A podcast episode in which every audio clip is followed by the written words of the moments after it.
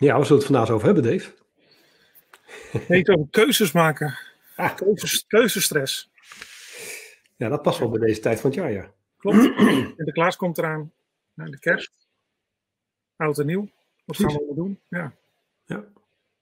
En alle budgetten natuurlijk zo voor het hele jaar, eh, voor het hele 2021 worden weer opgesteld. Precies, ja. Dus ik kan me voorstellen dat, uh, dat je dan weer moet gaan kiezen als organisatie. Ja, we, worden, we merken toch bij heel veel van onze klanten dat, dat nou ja, we geven heel veel training, dat sommige trainingen, dat we, dan horen van, nou, dat komt niet zo handig uit, want nu zijn we juist heel druk met de budgetten voor het volgend jaar. Precies. Ja. ja. ja dus daar gaan we hopelijk jullie een beetje bij helpen. Om, uh, om in ieder geval mee te geven hoe wij dat, uh, hoe wij dat zien. En uh, hopelijk jullie te inspireren om te kijken van zouden jullie daar nou, misschien iets in, in willen veranderen. Dus ik ben benieuwd. Um, volgens mij kunnen we wel beginnen. Ja, laten we doen. Laten we starten. Ja. Nou, welkom allemaal. Yes, welkom. Uh, zeker ook de vele nieuwe mensen. Superleuk dat jullie ons gevonden hebben. Uh, ik hoop dat jullie blijven. En dat we jullie kunnen inspireren om, uh, nou ja, om, om aan te sluiten bij, bij onze gemeenschap, zogezegd, community. Um, wij zijn allebei van Triforto, Greco en ik. En uh, we hebben nu sinds begin dit jaar hebben de Modern Management Academy opgestart. En uh, een van de pijlers daarvan is ook om nou ja, kennis te delen op deze manier. Dus veel webinars te geven en ja, vooral onze kennis en ervaring te delen. Hoe wij tegen uitdagingen aankijken en hoe we die mogelijk oplossen bij organisaties. We hebben beide best wel veel ervaring op het gebied van organisatieverandering en zeker in, in de categorie van agile, lean en ook geschaalde omgevingen. En daarin zie je dat het onderwerp portfolio management nou, steeds belangrijker wordt. En door de jaren heen zien we dat heel veel bedrijven zich veel gericht hebben op teams en op, op mensen, op medewerkers, wat natuurlijk heel belangrijk is. Um, wij vinden ook dat er de medewerkers nu een omgeving moeten hebben waar ze goed in kunnen functioneren. Um, en een belangrijk element daarin is om ja, duidelijkheid te geven in wat je wel en wat je niet doet als organisatie. Um, en niet zo gezegd een backlog of een lijst met initiatieven te vullen. En vervolgens dan nog uit allerlei laadjes in de organisatie ook nog een keer allemaal uh, initiatieven te krijgen. Uh, dus dat proberen we in organisaties te structureren.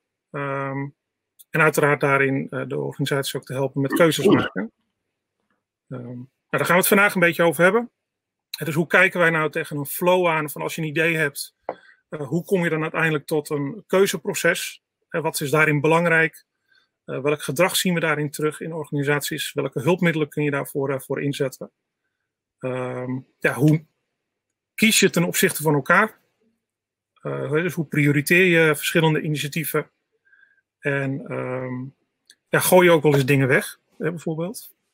dat is ook wel een interessante vraag die we zeker vandaag gaan behandelen.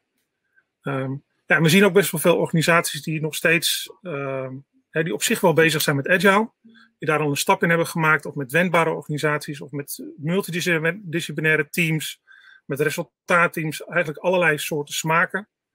Uh, maar we zien nog steeds best wel op portfolio-niveau hoog in de organisaties dat we een budget voor het volgend jaar uh, vastklikken op basis van heel veel initiatieven.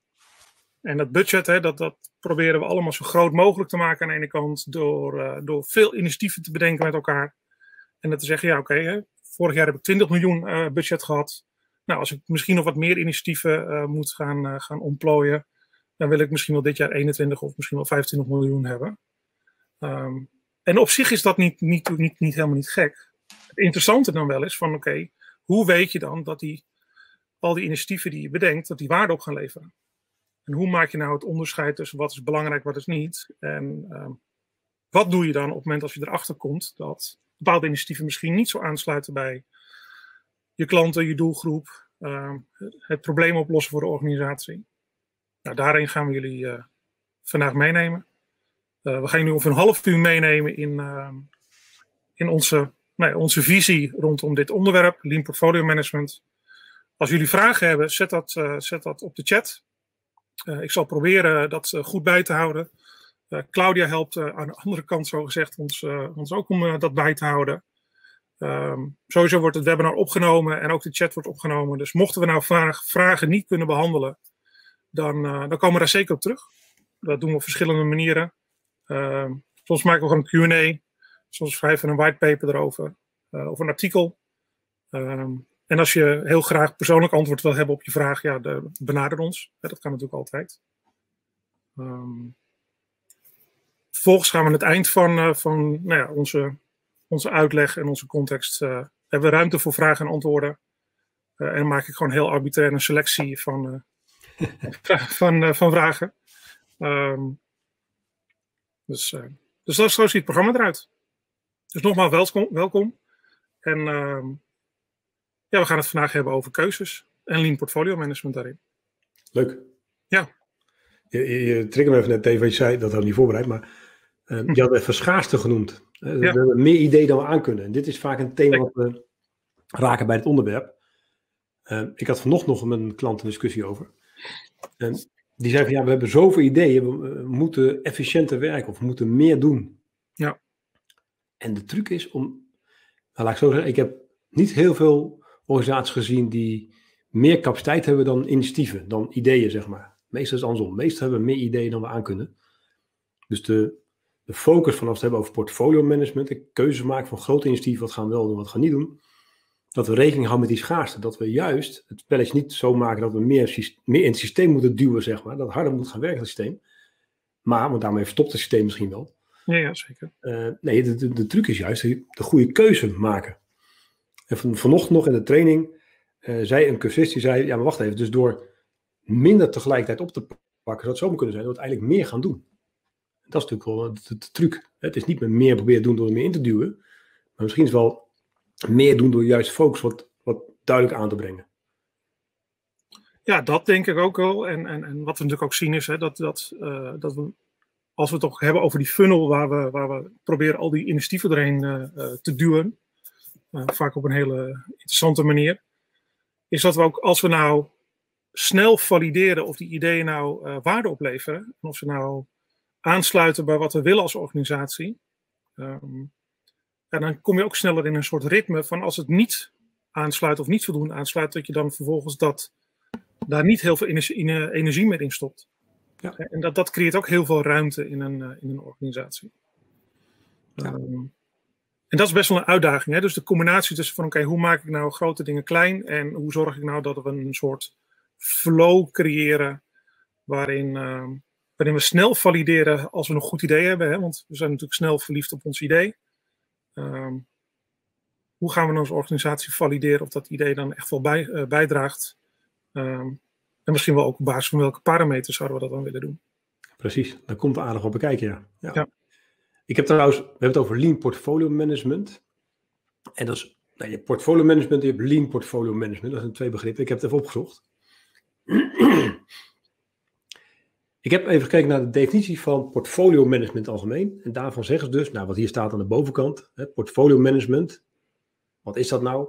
Identificeren, prioriteren, autoriseren, controleren, uh, om uiteindelijk organisatiedoelen te behalen.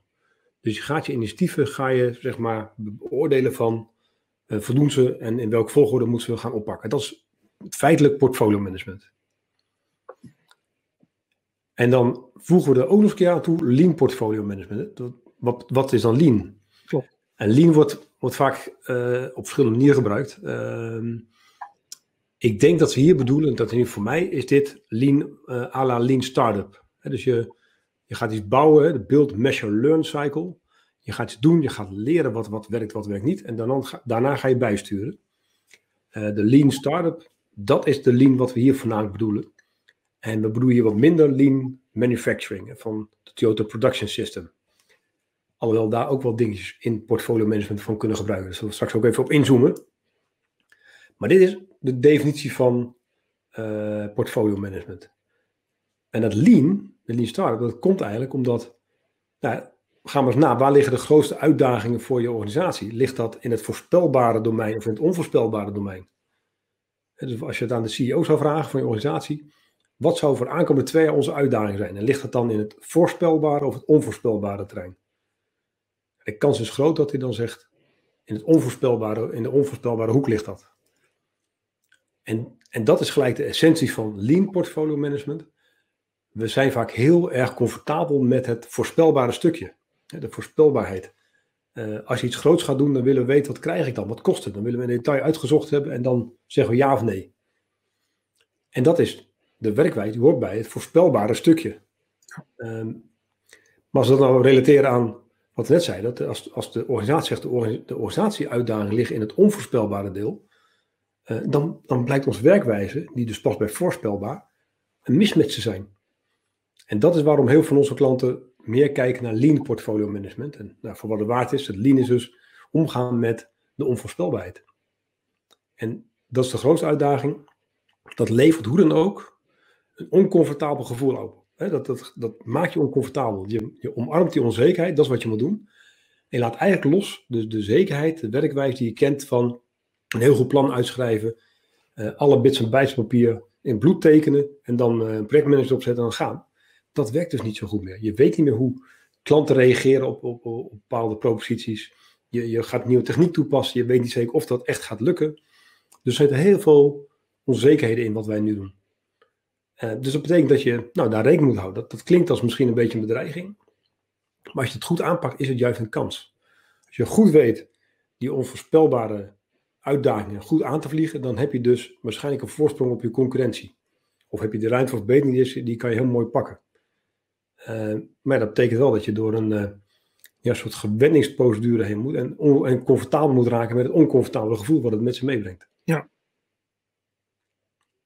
Dit zien we regelmatig, Dave. Dit is eigenlijk een beetje ons werk, toch? Dat we klanten helpen om ja, te wennen aan omgaan met onvoorspelbaarheid. Klopt. Nou ja, kijk, en, en eh, de, de, de, de blik van hoe je naar projecten kijkt of initiatieven kijkt, die verandert natuurlijk ook enorm. Dus we kunnen natuurlijk wel projecten opknippen knippen in iteratieve en incrementele uh, uh, stukjes. Mhm. Maar dan ben je eigenlijk nog steeds gewoon op een redelijk klassieke manier je idee aan het uitwerken en vervolgens dat aan het realiseren. Precies. En een deel van het onvoorspelbare, wat jij ook zegt, uh, we weten, we, we, durven te twijfelen aan het idee wat we hebben. En als we continu durven twijfelen aan het idee wat we hebben, of dat wel voldoende aansluit bij de klant, of dat wel voldoende waarde oplevert, of het wel klanten behoudt bijvoorbeeld. Of het wel nou ja, echt de problemen die de organisatie heeft oplost.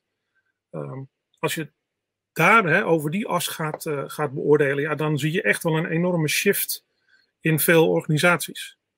Um, en daar, daar worden best wel veel nou ja, professionals, om het zo te zeggen, die, die, hè, die het klassieke portfolio management besturen en daarbij betrokken zijn, worden er best wel zenuwachtig van. Ja. Want het is nu heel fijn om gewoon een, een pit te schrijven en dan vervolgens, uh, nou ja, netjes dat in projectonderdelen op te knippen.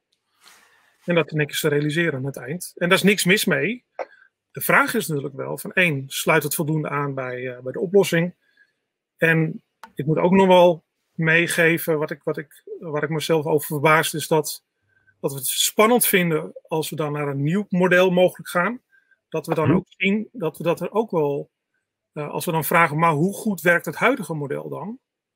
Ja, dat daar ook best wel wat vraagtekens bij gezet kunnen worden. Dus ja. op procesniveau is dat redelijk ingericht. Maar als ik dan vraag, oké, van de 100 projecten die je doet, uh, hoeveel hebben nou waarde opgeleverd? En wat is de totale waarde? En hoeveel overspend heb je dan per project? En hoeveel nou ja, hè, meer geld heb je achter dat project aangegooid? Of hoe, hoeveel vertraging heb je opgelopen? Ja. Zelfs aan de ene kant merken we bij organisaties die KPI's vaak ook niet goed in play zijn. Um, dus ja, dat, dat, dat maakt het ook interessant dat op het moment als je aan de ene kant zegt van we veranderen misschien wel naar een andere manier van portfolio management. En daar is best wel wat uitdagingen, uh, kom, krijg je op je pad. Ja, dan vragen we ons ook wel af, ja, hoe goed is het huidige model wat je hebt? Ja, wat wij zien is dat, nou, ondanks dat heel veel van onze klanten gewoon ontzettend succesvol zijn, dat er enorm veel ruimte voor verbetering is. En als die ruimte voor verbetering niet pakken, dan pakt misschien iemand anders dat en dan worden we ingehaald. En dat is wat we ook zien, dat is zeker bij commerciële klanten van ons, die, die, die zien echt de concurrentie flink aan de weg timmeren. En die moeten zorgen dat ze, nou ja, van die onzekerheid, die, die, die kans die erin zit, dat ze die pakken. Niet dat ze de boot missen en ja, misschien blijven hangen in het voorspelbare. Uh, en ik begrijp het, dat, dat heeft ook heel lang goed gewerkt. En voor sommige dingen werkt nog steeds. En ik merk zelf ook, als ik mijn badkamer laat verbouwen, dan wil ik ook heel graag weten tot op de punten, kommas nauwkeurig wat ik moet betalen en, en wanneer het af is. En, en dat is logisch. Alleen als, als je, nou, badkamer is nog wat te voorspellen over, hè, dat is nog te overzien. Maar als je een hele nieuwe propositie op de markt gaat brengen, dan is dat niet voorspelbaar. En dan moet je dat omarmen. Dan moet je zeggen, dit, dit is als de beurs. We kunnen alleen maar achteraf zeggen, zo is, het, zo is het gelopen. En er zijn er manieren om toch controle te houden in dat onvoorspelbare traject. Eh, maar dat is wel een andere werkwijze dan we voor heel veel eh, zaken gewend zijn. Ja. ja. Ik heb even, hoe ziet het eruit? Lean portfolio management. Het ziet er ongeveer hetzelfde uit als normaal portfolio management, maar er zitten op bepaalde aspecten zitten wat verschillen. Dat wil ik even laten zien. Dat is een procesplaat. Dat is, als we kijken naar het proces van portfolio management, dan bestaat uit een aantal stappen. En de stappen, dat begint met natuurlijk de organisatie. Uh, dat is het eerste stapje. Helemaal links zie je het hartje. Het, een, nou, wat, wat we willen doen natuurlijk. Zelforganiseerde teams, zelforganiserende teams, zelforganiseerde team van teams. Uh, meer netwerkorganisatie neerzetten. Maar er blijft een, zeg maar even een hoofdkantoor, er blijft een hartje bestaan. Maar goed ook, want die moeten de grote beslissingen nemen. Die moeten de strategie uitzetten. En dat is vaak het eerste wat we doen in als we binnenkomen in een organisatie en we gaan aan de slag met lean portfolio management. Dan willen we eigenlijk, wat we zeggen, de, de strategie van de organisatie koppelen aan de uitvoering. En dat is, daar is heel veel winst te halen vaak. Ehm, want als we dat goed doen, is dat veel effectiever dan alle teams zeg maar nog 10% beter laten presteren. Ehm, we komen wel eens bij bedrijven, daar, daar gaan we kijken naar hoeveel wordt er gewerkt. Hoeveel draagt dat werk bij aan de strategie? En soms komen we erachter dat het ongeveer de helft is. Nou, dat is soms heb je goede reden waarom je niet aan de strategie werkt, maar iets anders. Maar 50% dat lijkt me een grote gap. Ja. Daar moet je wat aan doen. Ja. Eh, en dat is eigenlijk de, essentie van lean portfolio management. Strategie aan uitvoering koppelen. En ook constant leren of je nou ja, misschien je geld op een ander initiatief moet inzetten dan wat je nu doet. En het laatste is, dat is gelijk compleet anders dan wat we gewend zijn in een projectorganisatie. Een project hebben vaak heel veel voorwerk gedaan en dan zeggen we oké, go. En dan is het eigenlijk not dan om dat project te killen. En ik zie steeds meer organisaties dat wel doen. Uh, en die, dat is eigenlijk langzamerhand, al, langzamerhand gaan al omgaan, leren ze omgaan met onvoorspelbare situatie. Maar als je kijkt naar de meeste grote organisaties, echt een project killen wordt toch nog een beetje gezien als falen. Nou, maar dat, dat kijk, wat, wat enorm helpt natuurlijk in, in deze fase van, van hè, je portfolioproces, is dat, uh, dat we zien dat op het moment als je je strategie helder hebt als organisatie, en dat kan je ook goed uitdragen, uh, en het is ook hè, goed uh, gecascadeerd in de organisatie, ehm, dan zie je ook dat de discussie ook makkelijker wordt. maar wat we veel merken is dat de strategie uh, wel op een bepaald niveau bekend is, maar dat heel veel mensen die nou ja, gewoon op een afdeling zitten en gewoon heel goed hun best doen, ja, onvoldoende contact hebben met die strategie. Ja. dus dan krijg je best wel veel ruis op de lijn dat je denkt, ja, ik ben heel goed bezig, uh, probeer goede resultaten neer te zetten en vervolgens mag mijn initiatief niet mee. Uh, nou, dan merken we best wel dat er nog wel wat werk te doen is om, uh, om die strategie goed helder uit te leggen. Ja. Want ook in die strategie bepaal je ook wat je niet doet. Hè, dus wat jij zelf al zegt, hè, dat, dat ongeveer de helft wat, wat we zien in organisaties waar ze mee aan het werk zijn, ja, is eigenlijk niet geïnitieerd vanuit de strategie. Ja, dat is best wel een zorg. Ja, ik zie trouwens even in ook een paar goede commentaren voorbij komen. Willem die zegt, hè, er moet wel een verandercultuur zijn. Dit is verandermanagement. Uh, nou, dat, dat, is een webinar op zich, misschien wel meerdere webinars, maar dat cruciaal punt inderdaad. Dit is verandermanagement en dit is niet een proces wat je implementeert, maar dat is ook, heeft ook veel te maken met het gedrag van mensen organisatie. En Barry stipt even aan, er moet een urgentie zijn om te veranderen, ook verandermanagement. Dus moet, dit moet echt een probleem oplossen. Als je zegt als organisatie, ik heb nu geen probleem, het gaat goed, en ik zie in de aankomende tijd ook nog geen problemen, ja, dan zou ons advies zijn, doe helemaal niks, verander niks en ga zo door. Dit, deze verandering invoeren van lean portfolio management levert stress op in de organisatie, levert onduidelijkheid op in het begin. En die moet je zo kort mogelijk laten houden. Maar die, die pijn die komt er sowieso. Dat moet je wel ergens voor doen, ja. Als die organisatie dan uh, de strategie mag bepalen, dan moet die strategie ook goed te communiceren zijn. Dus wat we heel graag willen is nou, de strategie zeg maar afstoffen. Uh, en kunnen dat heel duidelijk communiceren in de, in de organisatie. Uh, en vaak is het als een bulletlistje. Dat noemen we strategische thema's. En het doel is dat we de, de strategie koppelen aan de, aan de, uitvoering. Dus iedereen moet weten hoe die bijdraagt aan de strategie. En we willen ook dat als mensen de strategie snappen, dat ze kunnen zeggen: Oké, maar dan ga ik zo bijdragen. Dus dat is super belangrijk. Als je de strategie wil koppelen aan de uitvoering, moet die strategie klip en klaar zijn. Ook een taak van leiderschap om daar heel veel over te praten. Dus daar gaat wat tijd van het leiderschap in zitten om dat, die strategische thema's onder arm te nemen en de, de organisatie in te gaan en daar gesprekken mee aangaan. Je kan je voorstellen dat je strategisch systeem gewoon op de muur plakt, dat iedereen ze anders interpreteert. Dus dan ben je er nog niet. Nou, zeg dat je de strategische systeem goed hebt geformuleerd, richtinggevend, uh, strategische doelen. Uh, bijvoorbeeld, we willen de, uh, de prepaid bellers van ons telecombedrijf wat langer aan ons binden, om te zien dat ze sneller weglopen dan anders. Nou, dat zou een strategisch thema kunnen zijn. Zo gaan we de wedstrijd winnen.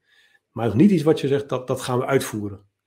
Dat uitvoeren, daarvoor moet je een initiatief bedenken. Dat is de volgende stap. Nou, we hebben net gezegd, dan heb je dus meer initiatief dan je aan kan. Uh, en die initiatief moet je dus gaan schiften. Die moet je uh, tegen licht gaan houden. Dat doen we vaak in een stappenmodel. En dat stappenplannetje, ik heb hier 1, 2, 3, 4 en, enzovoort opgezet. Hoe die stappen er precies uitzien, dat is per organisatie veranderd, uh, verschillend. Daar moet je even goed naar kijken. Maar grofweg kan je zeggen dat het begint met een one-liner. Dus we hebben een, een goed idee, dat schrijven we op als one-liner. En eens zoveel tijd mag degene die het ingediend heeft, dat initiatief, die one-liner, mag uh, dat gaan pitchen. En er zijn een aantal mensen, heb je dus geselecteerd, die daar iets van mogen vinden. Uh, en dan ga je dus een pitch doen of iets anders. En nou, je kan met een hele saaie vergaderruimte kan je dat doen. Je kan het ook, wat, ik, wat mijn voorkeur is, is een soort Dragon's Dance situatie creëren. Dat je Chesterfields neerzet, een tafeltje ernaast, glaasje drinken erbij. En iemand mag echt op de stip gaan staan en die mag het pitchen met als doel krijgt hij ruimte voor de, volgende, voor de volgende stap. Als het antwoord nee is, dan verdwijnt het initiatief in de prullenbak. Wordt diegene super bedankt voor het initiatief indienen. En wordt uitgelegd waarom niet. En wordt hij uitgenodigd om heel snel met een nieuw initiatief te komen. Krijgt hij een go, dan betekent een go voor de volgende fase. Dat betekent uitwerken of hè, wat meer in detail, een lightweight business case maken noemen we dat. Uh, van een paar A4'tjes, waarin heel smart wordt beschreven wat het doel is van het initiatief. Hoe we dat gaan meten, dat succes gaan halen. Uh, uiteindelijk gaan we kijken wat zou de doorlooptijd zijn. En al die gegevens bij elkaar die in die stapjes uh, verzamelen, leidt ertoe dat we een lijst kunnen maken met alle initiatieven van de organisatie. En dat is het laatste stapje. En dat is het doel. En die lijst die moet natuurlijk niet oneindig kunnen groeien. Als dat een lijst wordt van werk van zeg maar 10 jaar, dan kan je dus uitrekenen wat je, nou, hoe lang het gemiddeld duurt voordat één initiatief aan de beurt is. En dat is dan geen goed verhaal. Dus je moet die lijst ergens afkappen. En dat, nou, hoe wij hem afkappen, dat hangt af van de organisatie. Sommige klanten van ons zeggen, we doen na een jaar afkappen. Een jaar werk ongeveer, sommigen zeggen twee. Ook organisaties zeggen drie jaar. Die hebben een ander soort business. Die leggen leidingen naar andere landen en zo. Dat is wat groter werk, dus die kijken drie jaar vooruit. Maar wat je in detail, want dit is redelijk detail uitgewerkt initiatief hebt, dat moet een, een cap hebben. Dat moet, uh, die focus moet aangebracht worden. Zo ga je om met die schaarste. En dan is die prullenbak dus cruciaal. En dus heel veel verdwijnt ook in die prullenbak. En dat is, dat is wel lastig, die prullenbak uh, gebruiken, merken wij. Ja. Het is een goed idee, ja, het is een goed idee, maar ook goede ideeën gaan in de prullenbak, omdat we nog betere ideeën hebben. En wat we in het begin zeiden, het is niet een spelletje van nog meer die machine duwen, juist focus aanbrengen. En met die juiste focus kan het zo zijn dat als je daarop focust, dat je uiteindelijk nog meer voor elkaar krijgt. Ja. Zijn die lightweight business case dan gewoon de, de pits die we kennen en noem maar op, de, de lijvige documenten? Nee, nee het is, het is uh, wat we noemen iets wat, we noemen het een hypothese, wat we willen aantonen. En dat is compleet anders dan we gaan exact doen. Dus de Lightweight Business Case beschrijft meer van dit is de waarde die we denken te halen en zo tonen we het aan. Dus er zit een soort, uh, zit in verborgen in die initiatieven uh, een manier van werken om aan te tonen dat we snel mogelijk moeten stoppen met initiatief. Omdat we hebben ontdekt dat we een ander initiatief dat daar veel meer geld uit kunnen halen misschien. Of veel meer waarde van, van kunnen leveren. En om te illustreren, ik heb, ik heb hier een soort voorgangsrapportage heb ik, uh, klaargezet. Wat we gebruiken voor initiatieven. En nou, dit is een voorgangsrapportage. Dit is iets wat uit de theorie komt. En je hoeft even niet op de getallen te letten die erin staan. Maar wat aangeeft is, hoe lang duurt een initiatief? Wat is de schatting van een initiatief? Hoe lang duurt het?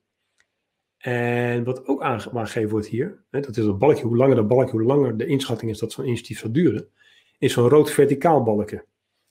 En dat is het, de nieuwe schatting. Dat wil zeggen, sommige balkjes zijn naar achter geschoven. We hebben geleerd dat die langer mee door willen gaan met dit initiatief. Het levert meer dan we dachten, we gaan langer door. Of we stoppen eerder, uh, want we hebben aangetoond dat hier niet veel meer waarde in zit. Of ik heb eens meegemaakt dat we zijn begonnen en dat we na een aantal iteraties als, als zeiden van we gaan de stekker eruit halen, want we hebben nu aangetoond dat het nooit gaat werken.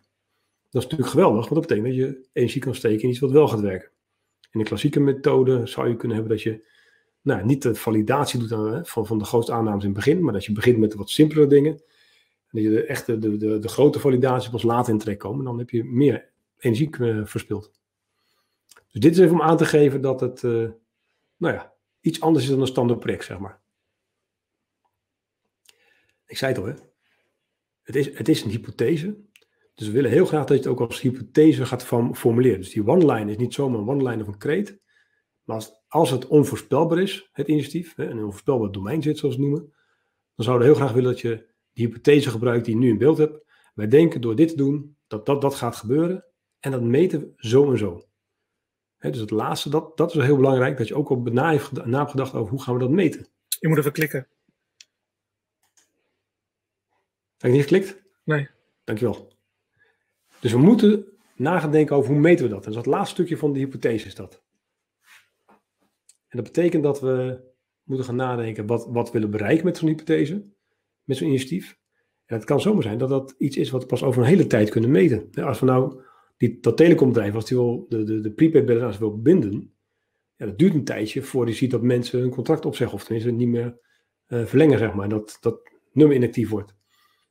Wat je sneller kan meten is bijvoorbeeld klanttevredenheid. Dus dat is iets wat we sneller kunnen meten. Dus dan hebben we wat we noemen leading en lagging indicators. Leading indicator heeft een spillende waarde voor iets wat we uiteindelijk willen meten. Lagging indicator beschrijven we ook wel.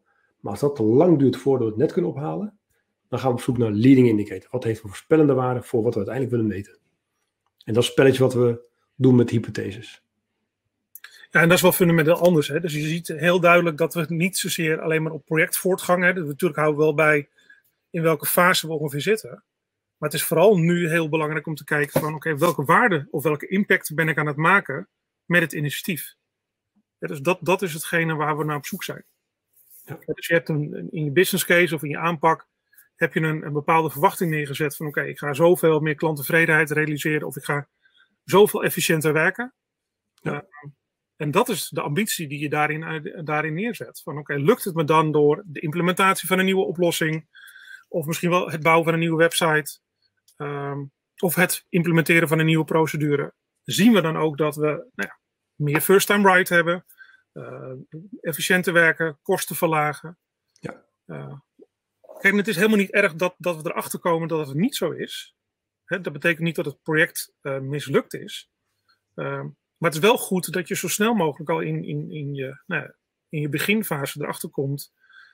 Oké, dit was mijn voorgenomen oplossing ik zie dat ik of weinig impact heb, of misschien wel geen impact. Sterker nog, het, kan, het komt echt wel voor in de praktijk dat het zelfs een negatieve impact heeft. Um, en dat is wel belangrijk, hè, dan zie je nog aan het begin. Je hebt nog best wel wat tijd te, te gaan. Hè, uh, je budget is nog nou, redelijk overend. Um, dat geeft je ook heel erg de ruimte om te kijken van oké, wil ik nu door? Um, en dan de vraagteken met dezelfde oplossing. Ga ik het nog een keer proberen? Ga ik het misschien simuleren in een andere omgeving, kijken of het daar wel werkt. Of word ik uitgedaagd om een andere oplossing te bedenken. Precies, ja. En dat is natuurlijk een hele andere dynamiek. En want dat vraagt veel meer kwetsbaarheid. Hè? Want ja, ik had een heel goed idee. En ik heb nu nou, mijn eerste uh, test gedaan, om het maar zo te zeggen. Mijn eerste experiment of mijn eerste minimal viable product. dus mijn kleine test naar de markt gebracht.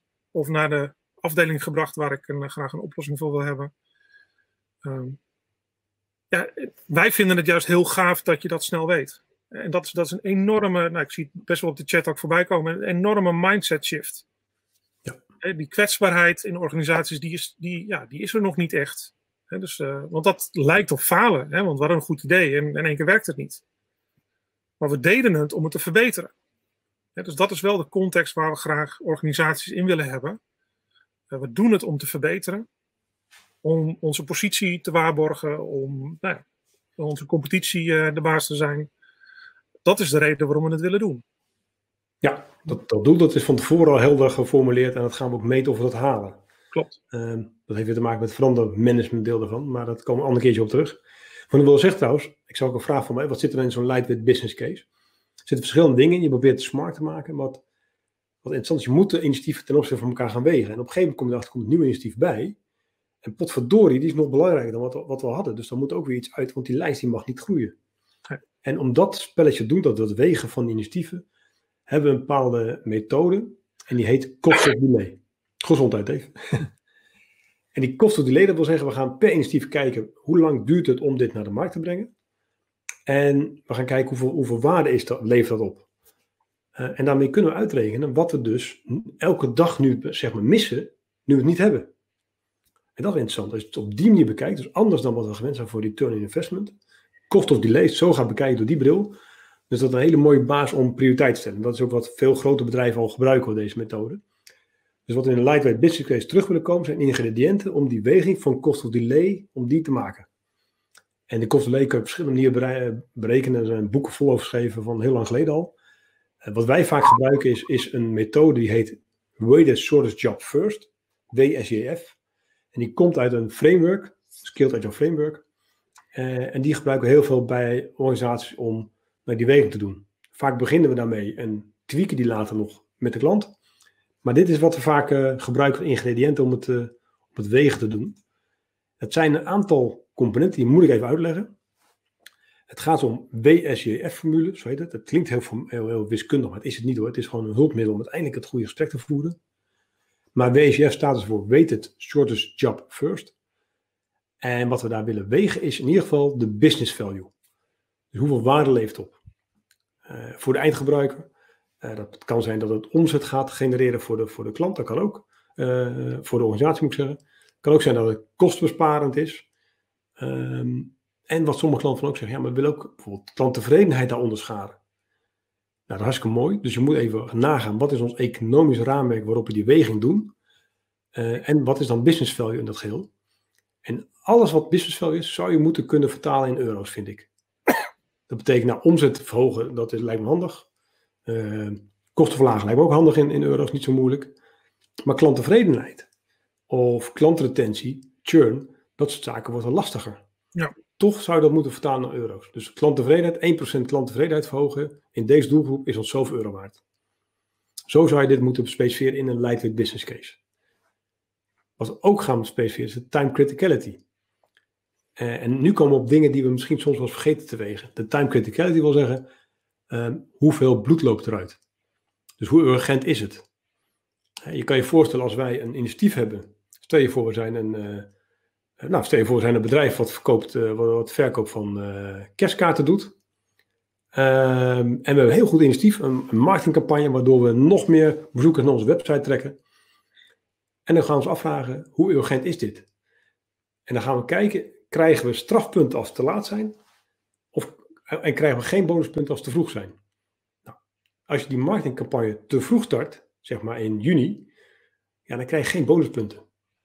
Dus dat is interessant. Als te laat zijn, de marketingcampagne in januari doen, dan krijgen we wel strafpunten, want dan is de kerstperiode al voorbij. Dus geen bonuspunten, wel strafpunten. Dan heb je time criticality.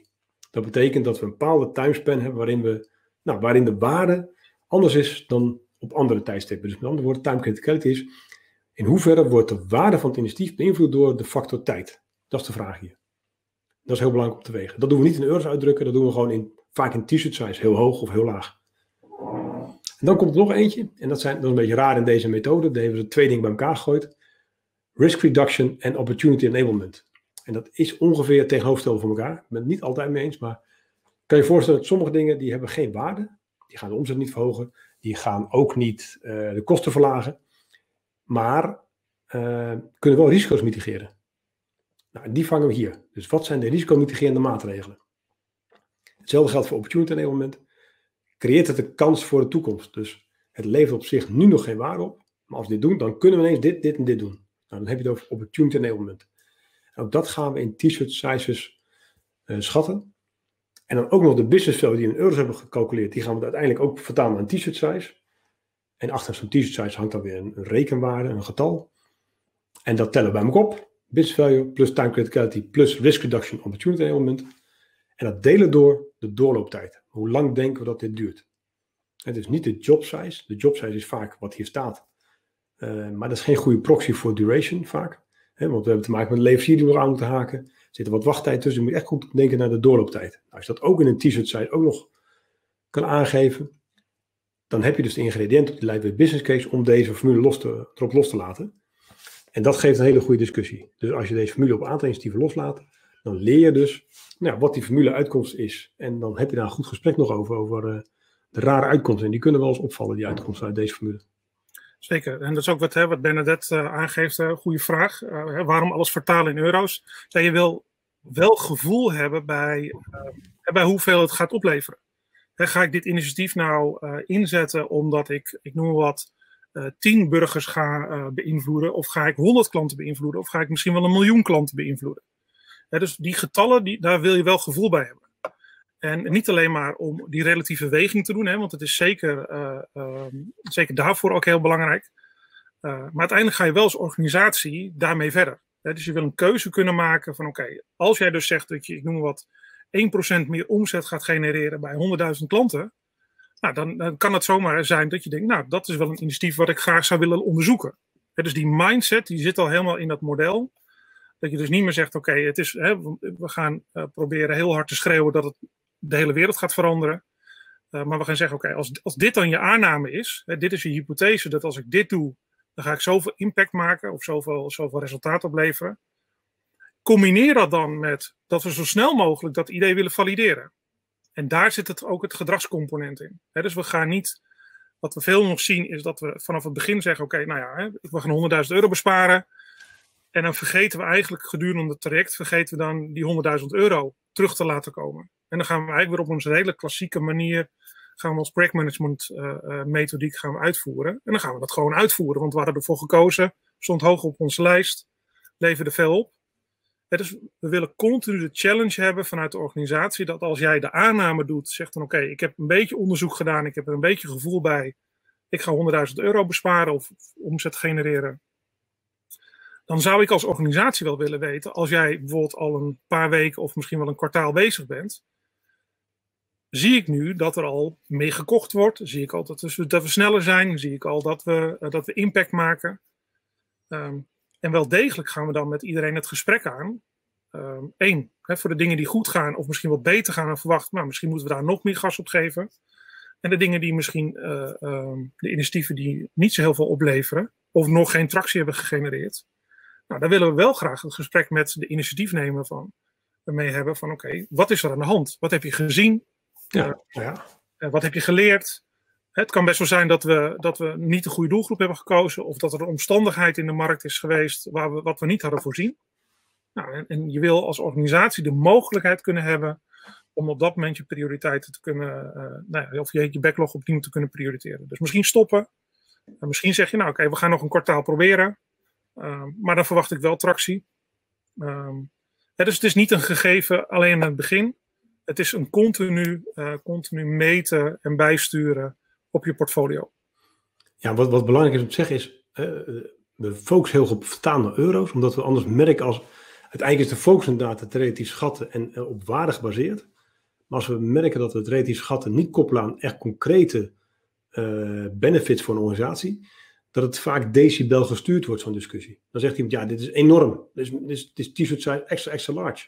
En is dan niet echt gebaseerd op harde euro's, zeg maar. En als je dat wilt vertalen, harde euro's, als je het hebt over business value, dan merken wij dat die discussie veel concreter wordt gevoerd. En dan kunnen we elkaar veel beter challengen en kunnen ook later kijken of dat ook echt zo is. Of wat Dave zegt, dat we zien, nou ja, dan moeten wij stoppen toch, want het is niet zo. En dat kan je minder goed als je dat zegt, ja, het was gewoon heel groot. Dat moet ergens op gebaseerd zijn, die, die, die relatieve schatting. Ja. Dus daarom vind ik dat heel belangrijk. En dat is, dat is af en toe wennen, uh, maar het maakt de discussie heel scherp. Het is niet een doel op zich. We hebben hier een, een, leuke workshop voor trouwens om dit te doen. Als, als, je, als je stel je voor, zou je mee willen beginnen met uh, initiatief op deze manier wegen. Dan kan je voorstellen dat, nou, dat je op een rij en trein stapt. Dat er heel veel initiatieven in de pijplijn zitten die gewogen moeten worden. En we willen het heel graag een continu proces maken. Dus er wordt uh, iets wat we elke maand misschien wel doen, dit wegen. Maar het kan zomaar zijn, dat komen we regelmatig tegen, dat we beginnen en dat we ineens al 100 initiatieven hebben die gewogen moeten worden in de organisatie. En dan moet je die 100 initiatieven op een snelle manier kunnen kunnen inschatten. Ja. En nou, daar hebben we een kleine workshop voor en die is, die is super gaaf. Ik, ik, dat gaat nu te veel om helemaal uit te wijden, maar we noemen hem Magic Estimation. En dat is, uh, nou, je ziet al een beetje voorbereiding. Wat je doet, je alle initiatieven print je uit op kleine A5'jes. En iedereen moet ze neerleggen bij bepaalde t-shirt sizes, juist voor het relatief schatten. En dat doen we dan eerst voor de business value. Dus op één tafel, dan ga je de business value neerleggen. En de volgende tafel time criticality en de volgende risk reduction opportunity enablement. Maar op die A5 staan de lightweight business case, zeg maar. Op de voor- en achterkant. En met die informatie erop staat, ben je in staat om te bepalen, relatief ten opzichte van elkaar, waar zou die moeten liggen qua business value. En waar zou die moeten liggen bij time criticality. Hetzelfde voor risk reduction opportunity enablement. Eind van die workshop, dan komen we bij elkaar, drinken we een bak koffie.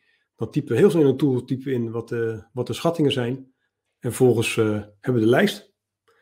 En nou, dat zou dus van boven naar beneden zo die moeten doen. Maar we willen dan wel een discussie. Wat zijn rare dingen? Uh, het is niet zo dat die formule één op één overneemt. Het is meer een begin van een discussie onderling. Met als doel dat we met al deze stakeholders die dit doen, de Kamer uitlopen van oké, we hebben harde nood gekraakt, we hebben keuze gemaakt, focus aangebracht, maar dit is onze lijst. Dat zou de bedoeling moeten zijn. Nou, en hier zie je ook wel het grote fundamentele verschil hè, ten opzichte van uh, redelijk klassiek portfolio management.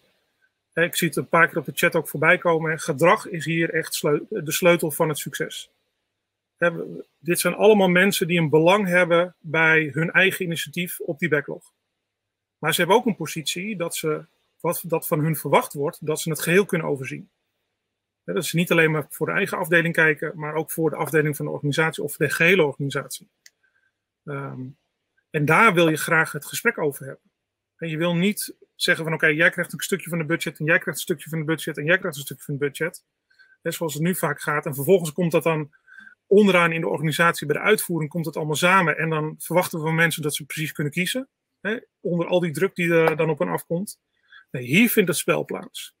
Dus hier gaan we kijken ten opzichte van elkaar op managementniveau veelal of hè, op product management niveau gaan we kijken van oké, hoeveel meerwaarde levert jouw initiatief op ten opzichte van mijn initiatief?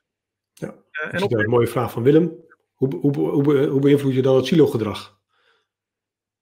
Ja, eigenlijk als je een workshop gaat doen zoals dit, dan wordt het silo-gedrag misschien, als het er is, heel goed duidelijk. Ja. Uh, je lost er niet meer op. Daar moet je andere dingen voor doen. Uh, ja, dat is eigenlijk ook wat we een klein beetje doen. Soms zetten we deze workshop juist in om dit zichtbaar te maken. Dat is juist silo-gedrag is. Ehm, misschien wel leuk om de volgende webinar dan uh, te houden over wat, wat doen we dan. Want dat, dan moet je andere dingen doen deze workshop. Maar het goed neerzetten en, en, en vooral he, spiegelen met, met wat we hier zien. Uh, en ook de groep he, van tevoren misschien ook wel een beetje uitdagen van weet dat dit gaat gebeuren. Uh, dat zijn wel, wel tips die we sowieso al mee kunnen geven. dus als je goede instructie geeft en niet op papier, maar als je een aantal belangrijke stakeholders van tevoren informeert, oké, dit gaat er gebeuren. En dan verwacht ik eigenlijk van jou hè, dat je daar dan op reageert. Want, hè, want je was het vaak niet eens met dat jij zo weinig ruimte had voor jouw initiatieven. Ja, nu is het moment om daar wat van te zeggen.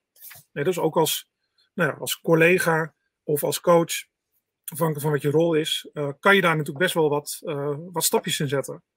En ook met elkaar evalueren van in hoeverre is het dan ook gelukt om elkaar te challengen. Nou, wij spelen daar best wel vaak een, een hele belangrijke rol in, zeker in het begin. Uiteindelijk is het niet ons gedrag, maar het gedrag van de organisatie uh, wat veelal zou moeten veranderen. Um, ja, en dat, dat, dat challengen we. En, uh, en dat zal niet altijd, hè, wat ik kreeg in het begin zei, fijn voelen voor iedereen. we hebben ook wel eens mensen gehad, managers gehad, die gewoon weglopen uit zo'n meeting. Ja. ja. ik doe hier niet aan mee. Ja, en dan is het aan de groep om te bepalen, wat vinden we daar nou van? Nee, niet aan ons, niet aan de directie, maar gewoon als groep. Vinden we nou dat iemand uit de groep mag stappen en vervolgens toch weer via een zijlijn zijn initiatief aan het managen is. Nou, vinden we dat? Terwijl we bijvoorbeeld iets anders hebben afgesproken. Nou, dat zijn spelregels die je op je reis gaat, uh, gaat ontwikkelen. Um, ja, en, en, los daarvan, uh, we gaan nu te ver in gaan, maar wat we ook wel zien is dat gewoon structuren moeten veranderen. Bijvoorbeeld bonusstructuren moeten veranderen om dat gedrag in de goede, naar de goede baan op te leiden. Dat kan wel eens contraproductief werken voor zo'n sessie, maar dat wordt dan transparant. Ja. Ja, en Babette, kijk, hè, in hoeverre mensen hun huiswerk hebben gedaan. Ja, uh, ja, Kijk, op het moment, wat ik vaak managers meegeef, is dat op het moment als jij het belangrijk vindt dat jouw initiatieven boven de lijst komen te staan, dan adviseer ik om je huiswerk goed te doen. En dat betekent dat je je eigen werk goed op orde moet hebben, dat je het goed voorbereid moet hebben, uh, dat je je teams hebt mee laten denken daarover. Uh, dat jij in ieder geval goed beslagen ten ijs komt, hè, als je vanuit organisatiebelang kijkt.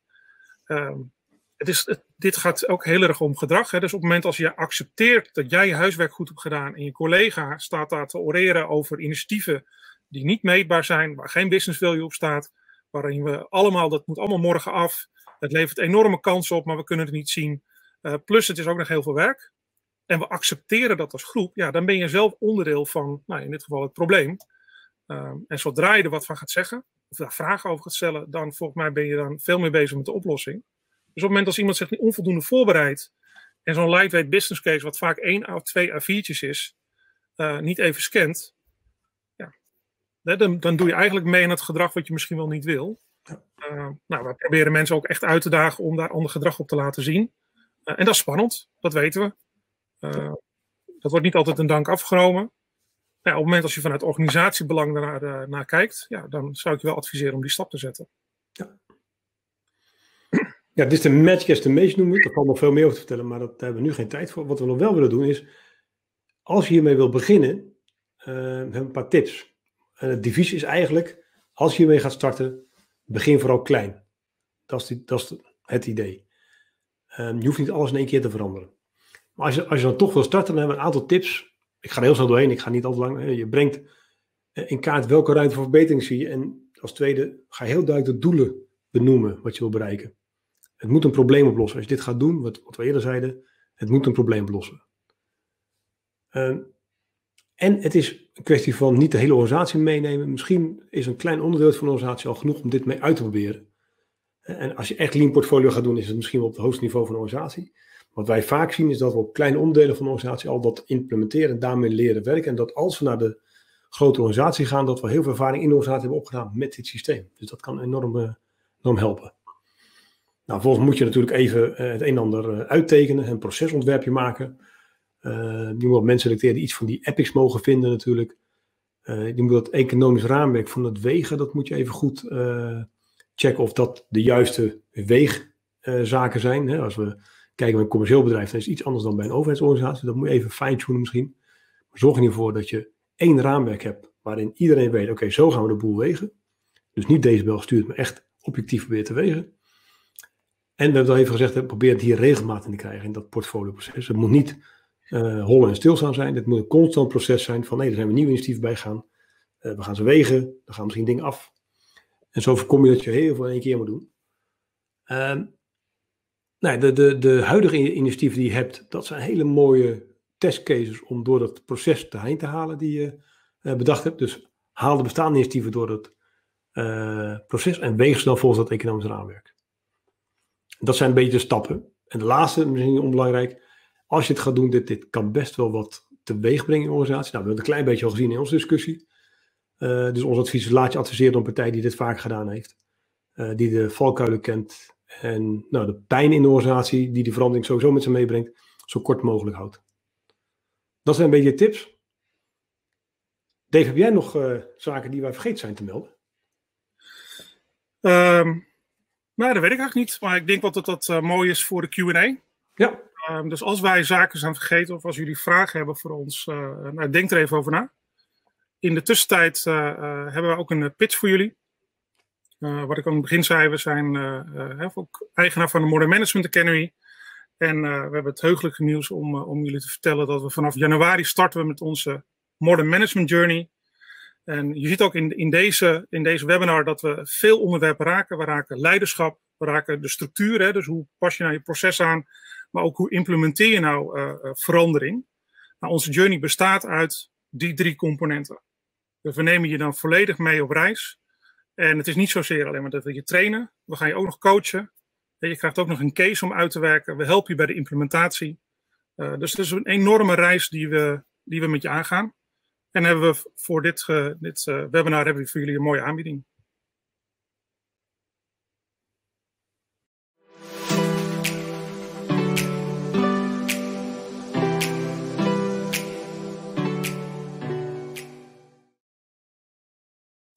Hey hallo, Dave en Claudia hier. We hebben fantastisch nieuws. En dat is dat 1 januari ons Modern Management Journey live gaat. En Dave vertelt je graag wat dit inhoudt. In 24 weken nemen we je mee op het gebied van leiderschap, structuur en veranderkracht. En dat doen we door middel van live trainingen, groepsessies, masterclasses, workshops en persoonlijke begeleiding. Maar nog veel meer. Je krijgt ook één jaar gratis lidmaatschap voor onze Academy. Dit alles voor een mooie prijs voor 2021 euro. Mocht je je willen aanmelden, klik op onderstaande link en dan zien we je bij onze journey. Tot ziens. Doeg!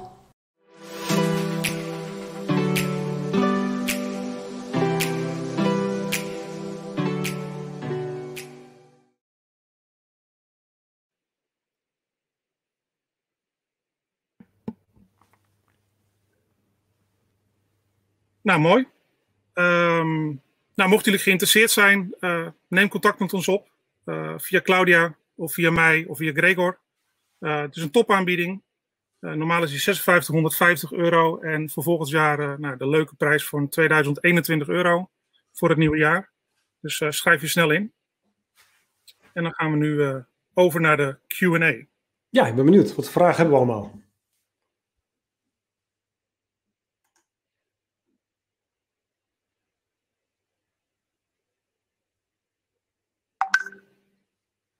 Mocht je vragen hebben, schroom niet.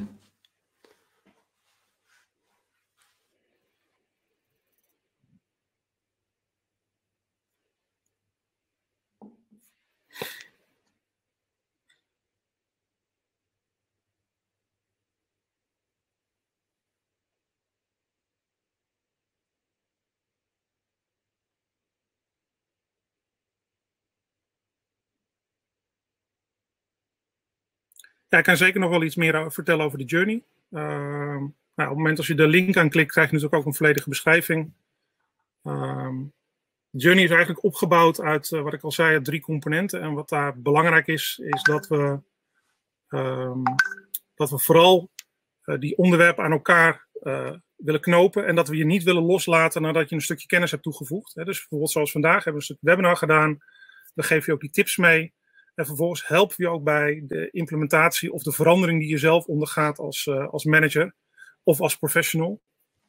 Um, omdat we zien dat we daarmee de effectiviteit van hetgene wat je leert ook erg laten toenemen.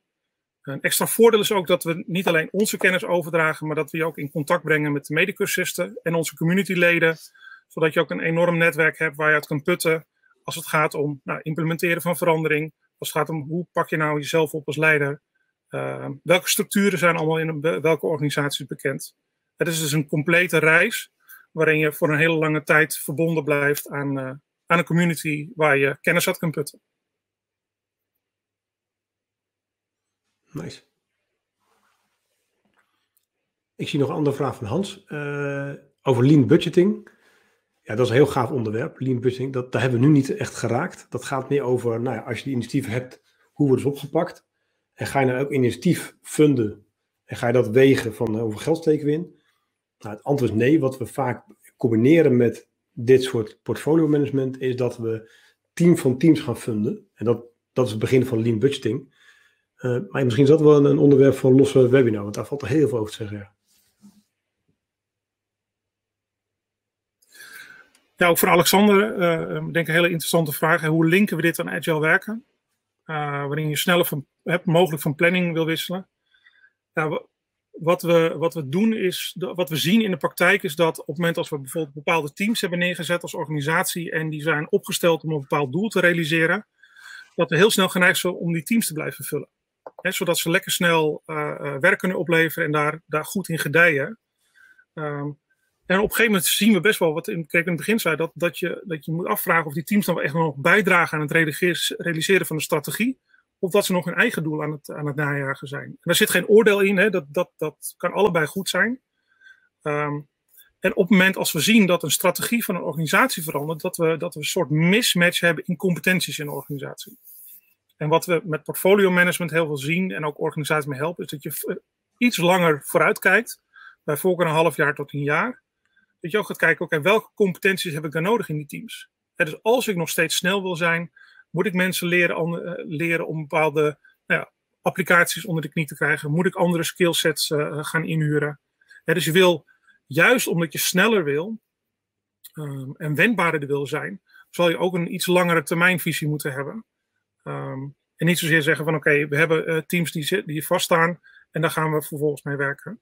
Ja, dus het is een goede balans vinden tussen de lange termijn, snel ideeën valideren, zaken weggooien en ook goed vooruitkijken welke competenties en vaardigheden heb ik nog in de toekomst nodig. Ja. Andere vraag die ik zie van Barry, goede vraag. Combineer dit ook met OKR's? Het antwoord is ja. Ja, dat zeker. Dit valt heel goed te combineren met OKR's. Um, objective en key results. Um, ik zit daar te denken, dit is ook weer bijna een webinar op zich om daarover te hebben. Uh, maar ja, als je het hebt over uh, het connecten van de strategie van de naar de uitvoering, dat is natuurlijk ook wat, wat het doel is van OKR's. En dat heel, heel goed mee maken. Op iets andere manier dan misschien van de klassieke methodes gewend zijn. Ja, daar past hij enorm goed bij. Ja.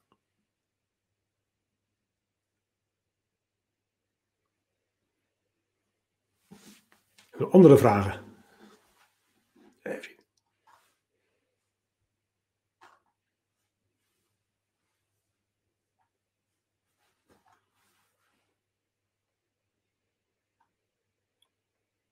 Een vraag natuurlijk in, in het begin van Babette. Uh, die, is, die is deels al door Willem uh, beantwoord.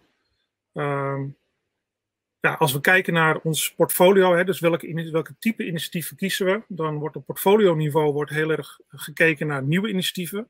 Dus we hebben een strategie. En vervolgens gaan we kijken in hoeverre uh, we nieuwe ideeën, nieuwe initiatieven kunnen bedenken die nodig zijn om onze strategie te realiseren. Ehm, zodra we het werk echt gaan plannen, maken we ook duidelijk de combinatie tussen running the business. dus die teams weten allemaal ongeveer wat hun capaciteit is. Uh, van wat ze nog steeds onder handen hebben. Hè, gewoon het beheerwerk, werkzaamheden die ze voor de organisatie hebben. Het uitvoerende stuk wat ze in hun takenpakket hebben zitten. Wat we wel in kaart brengen, uh, is dat wat de verhouding is. Hè, we zien in organisaties dat sommige teams gewoon geen tijd hebben of geen capaciteit hebben om nieuwe initiatieven op te pakken. Uh, Vervolgens kan je wel met, met het team of met de organisatie het gesprek gaan van oké, vind ik deze verhouding oké? Of zou ik die misschien wel willen veranderen?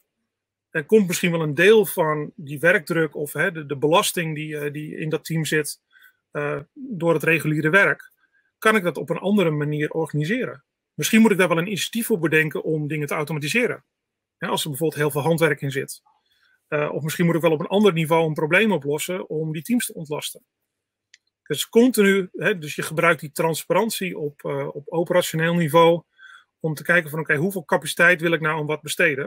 En dan kun je deels gewoon arbitrair in het begin neerzetten van oké, ik noem wat 50%, 50 verandercapaciteit en 50% beheer.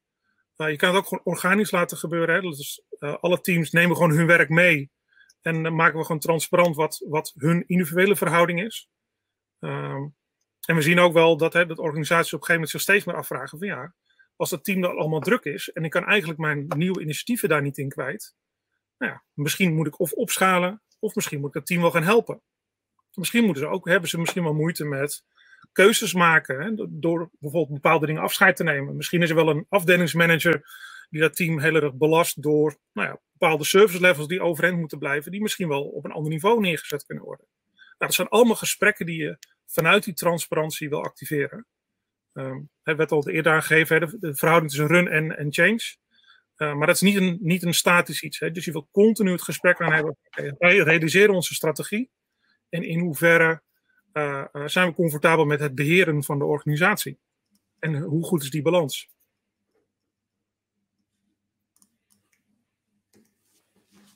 Ja, ik zal nog van Willem straks nog een kleine opmerking voorbij komen. Niet gevraagd, maar meer een opmerking dat het echt een kwestie is van mindset om, dit, om hier succesvol mee uh, te zijn. Ja, dat klopt. Het is vaak wat we zien is, overtuigingen die meespelen om dit niet te doen. En dat is eigenlijk heel begrijpbaar dat mensen overtuiging hebben om dit niet te doen. Want wat we vaak gezien hebben is dat het verleden de werkwijze van dingen goed uitschrijven, goed bedenken en dan een go geven, dat ook echt gewerkt heeft. En dat is vaak het lastig, omdat, het, omdat we bewijs hebben dat iets werkt, is heel moeilijk voor ons om te zeggen, oké, wacht even, eh, wat, wat ik gezien heb aan bewijzen, dat moet ik nu loslaten. Eh, en dat is nou, het, eh, gedragcomponent, wat Dave ook al zei. vaak is het het praten over mental models met mensen in de organisatie. Over nou, wat heb je nou gezien, waarom heb je die overtuiging? En wat heb je misschien als signalen gemist, waardoor je overtuiging bijgesteld moet worden. Dus dit is heel procesmatig, zeg maar, wat we nu voorstellen. Maar 50% of misschien wel meer is, is gedrag. Mooi. Nou, ik zie geen nieuwe vragen meer voorbij komen. Dan, uh, dan stel ik voor dat we het uh, webinar eindigen. Uh, ik dank jullie wel voor jullie aanwezigheid. Ehm, voor, oh, er komt nog net een vraag bij voor, voor ah. Als je een maandelijks zo'n exercitie doet voor nou, redelijk aan Wat voor tooling is hierbij handig? Ah, Eh, ja. Wat, wat, wij, wat we vaak gebruiken, dat is echt heel geavanceerd. Eh, En dat is Excel. en dat komt, dat moet ik uitleggen. Excel is gewoon een hele simpele tool als je nog geen tooling hebt die dit ondersteunt om te gebruiken. Want je kan die waarden invullen die allemaal geschat worden. Moet je voorstellen, in die, eh, in die sessie heb je allemaal briefs die geschat worden. Het gaat in drie rondes per tafel. En uiteindelijk moet je dan heel snel die waarden intoetsen ergens. En dan komt er een berekening uit waardoor je moet kunnen, waar je moet kunnen sorteren, zeg maar. En dat doen we met Excel heel snel. En er zit niet echt een specifieke tooling achter, want eigenlijk is dit iets waar je van af wil. Je wil niet dat je 100 initiatieven in één keer gaat doen. En je wil eigenlijk dat het een continu proces is, dat je elke maand bij elkaar komt als portfolio management. En dat je dan zegt, joh, eh, eh, er zijn weer drie initiatieven bijgekomen. Die gaan we tegen licht houden. En waar vallen ze op die backlog, zeg maar, op die lijst van initiatieven. Eh, dus de, de noodzaak voor echt die hele grote inschattingssessies, hoop ik dat die heel snel verdwijnt. En wat we merken is dat we meestal na twee of drie keer, we hebben de achterstand een beetje ingelopen en kan het een continu proces worden. Dus ik heb, Dave, heb jij daar een tool voor, die je ervoor gebruikt anders? ja, ik, ik wilde bijna nog zeggen, maar dat is nu in deze coronatijd wat lastiger. Ja, Eh, maar het liefst gewoon geen tooling. ja, Eh, het liefst gewoon, het gaat natuurlijk om het gesprek. Het gaat om het vertrouwen, hè, dat zie je ook een paar keer voorbij komen.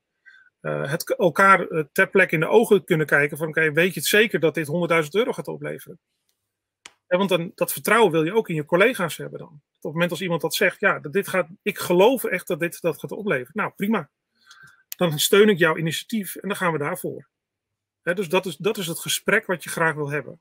Ehm, en wat ik zie is dat op het moment als we bijvoorbeeld het te snel in tooling stoppen, wat natuurlijk aan de ene kant voor rapportages heel, heel interessant kan zijn, is dat we het gesprek kwijtraken.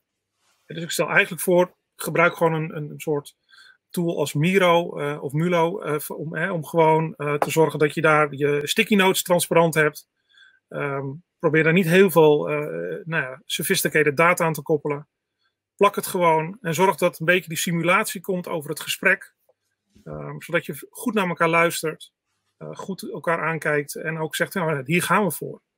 Ehm, in plaats van dat je op een gegeven moment heel veel kennis moet hebben van een bepaalde tool, dan komt het er net niet uit zoals, het, zoals je het graag wil hebben. Dan zijn we daar heel druk mee bezig en dan verliezen we nou ja, de, de interactie. Dus dat is in ieder geval mijn advies. En Excel kan daar prima een hulpmiddel mee zijn. Ja. Maar probeer het eerst op die manier. nice. Oké, Dan Nou, zitten we voor, voor mij zitten we, al- hebben we al te veel tijd opgesnoept, of niet, Dave? ja, dat klopt. Maar ja, gelukkig is het onze tijd, dus dat scheelt. Ja, precies. En we doen het graag. Zeker. Eh, ja, ik kijk uit naar de volgende weer. Klopt. Dus nou ja, binnenkort hebben we weer een webinar. Ehm, graag gedaan. En ehm, ja, tot snel.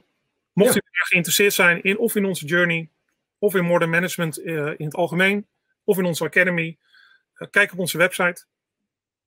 Ehm, en of neem contact op met Claudia of ons. En dan eh, nou, hoop ik jullie snel weer terug te zien. Tot de volgende keer. Tot de volgende keer.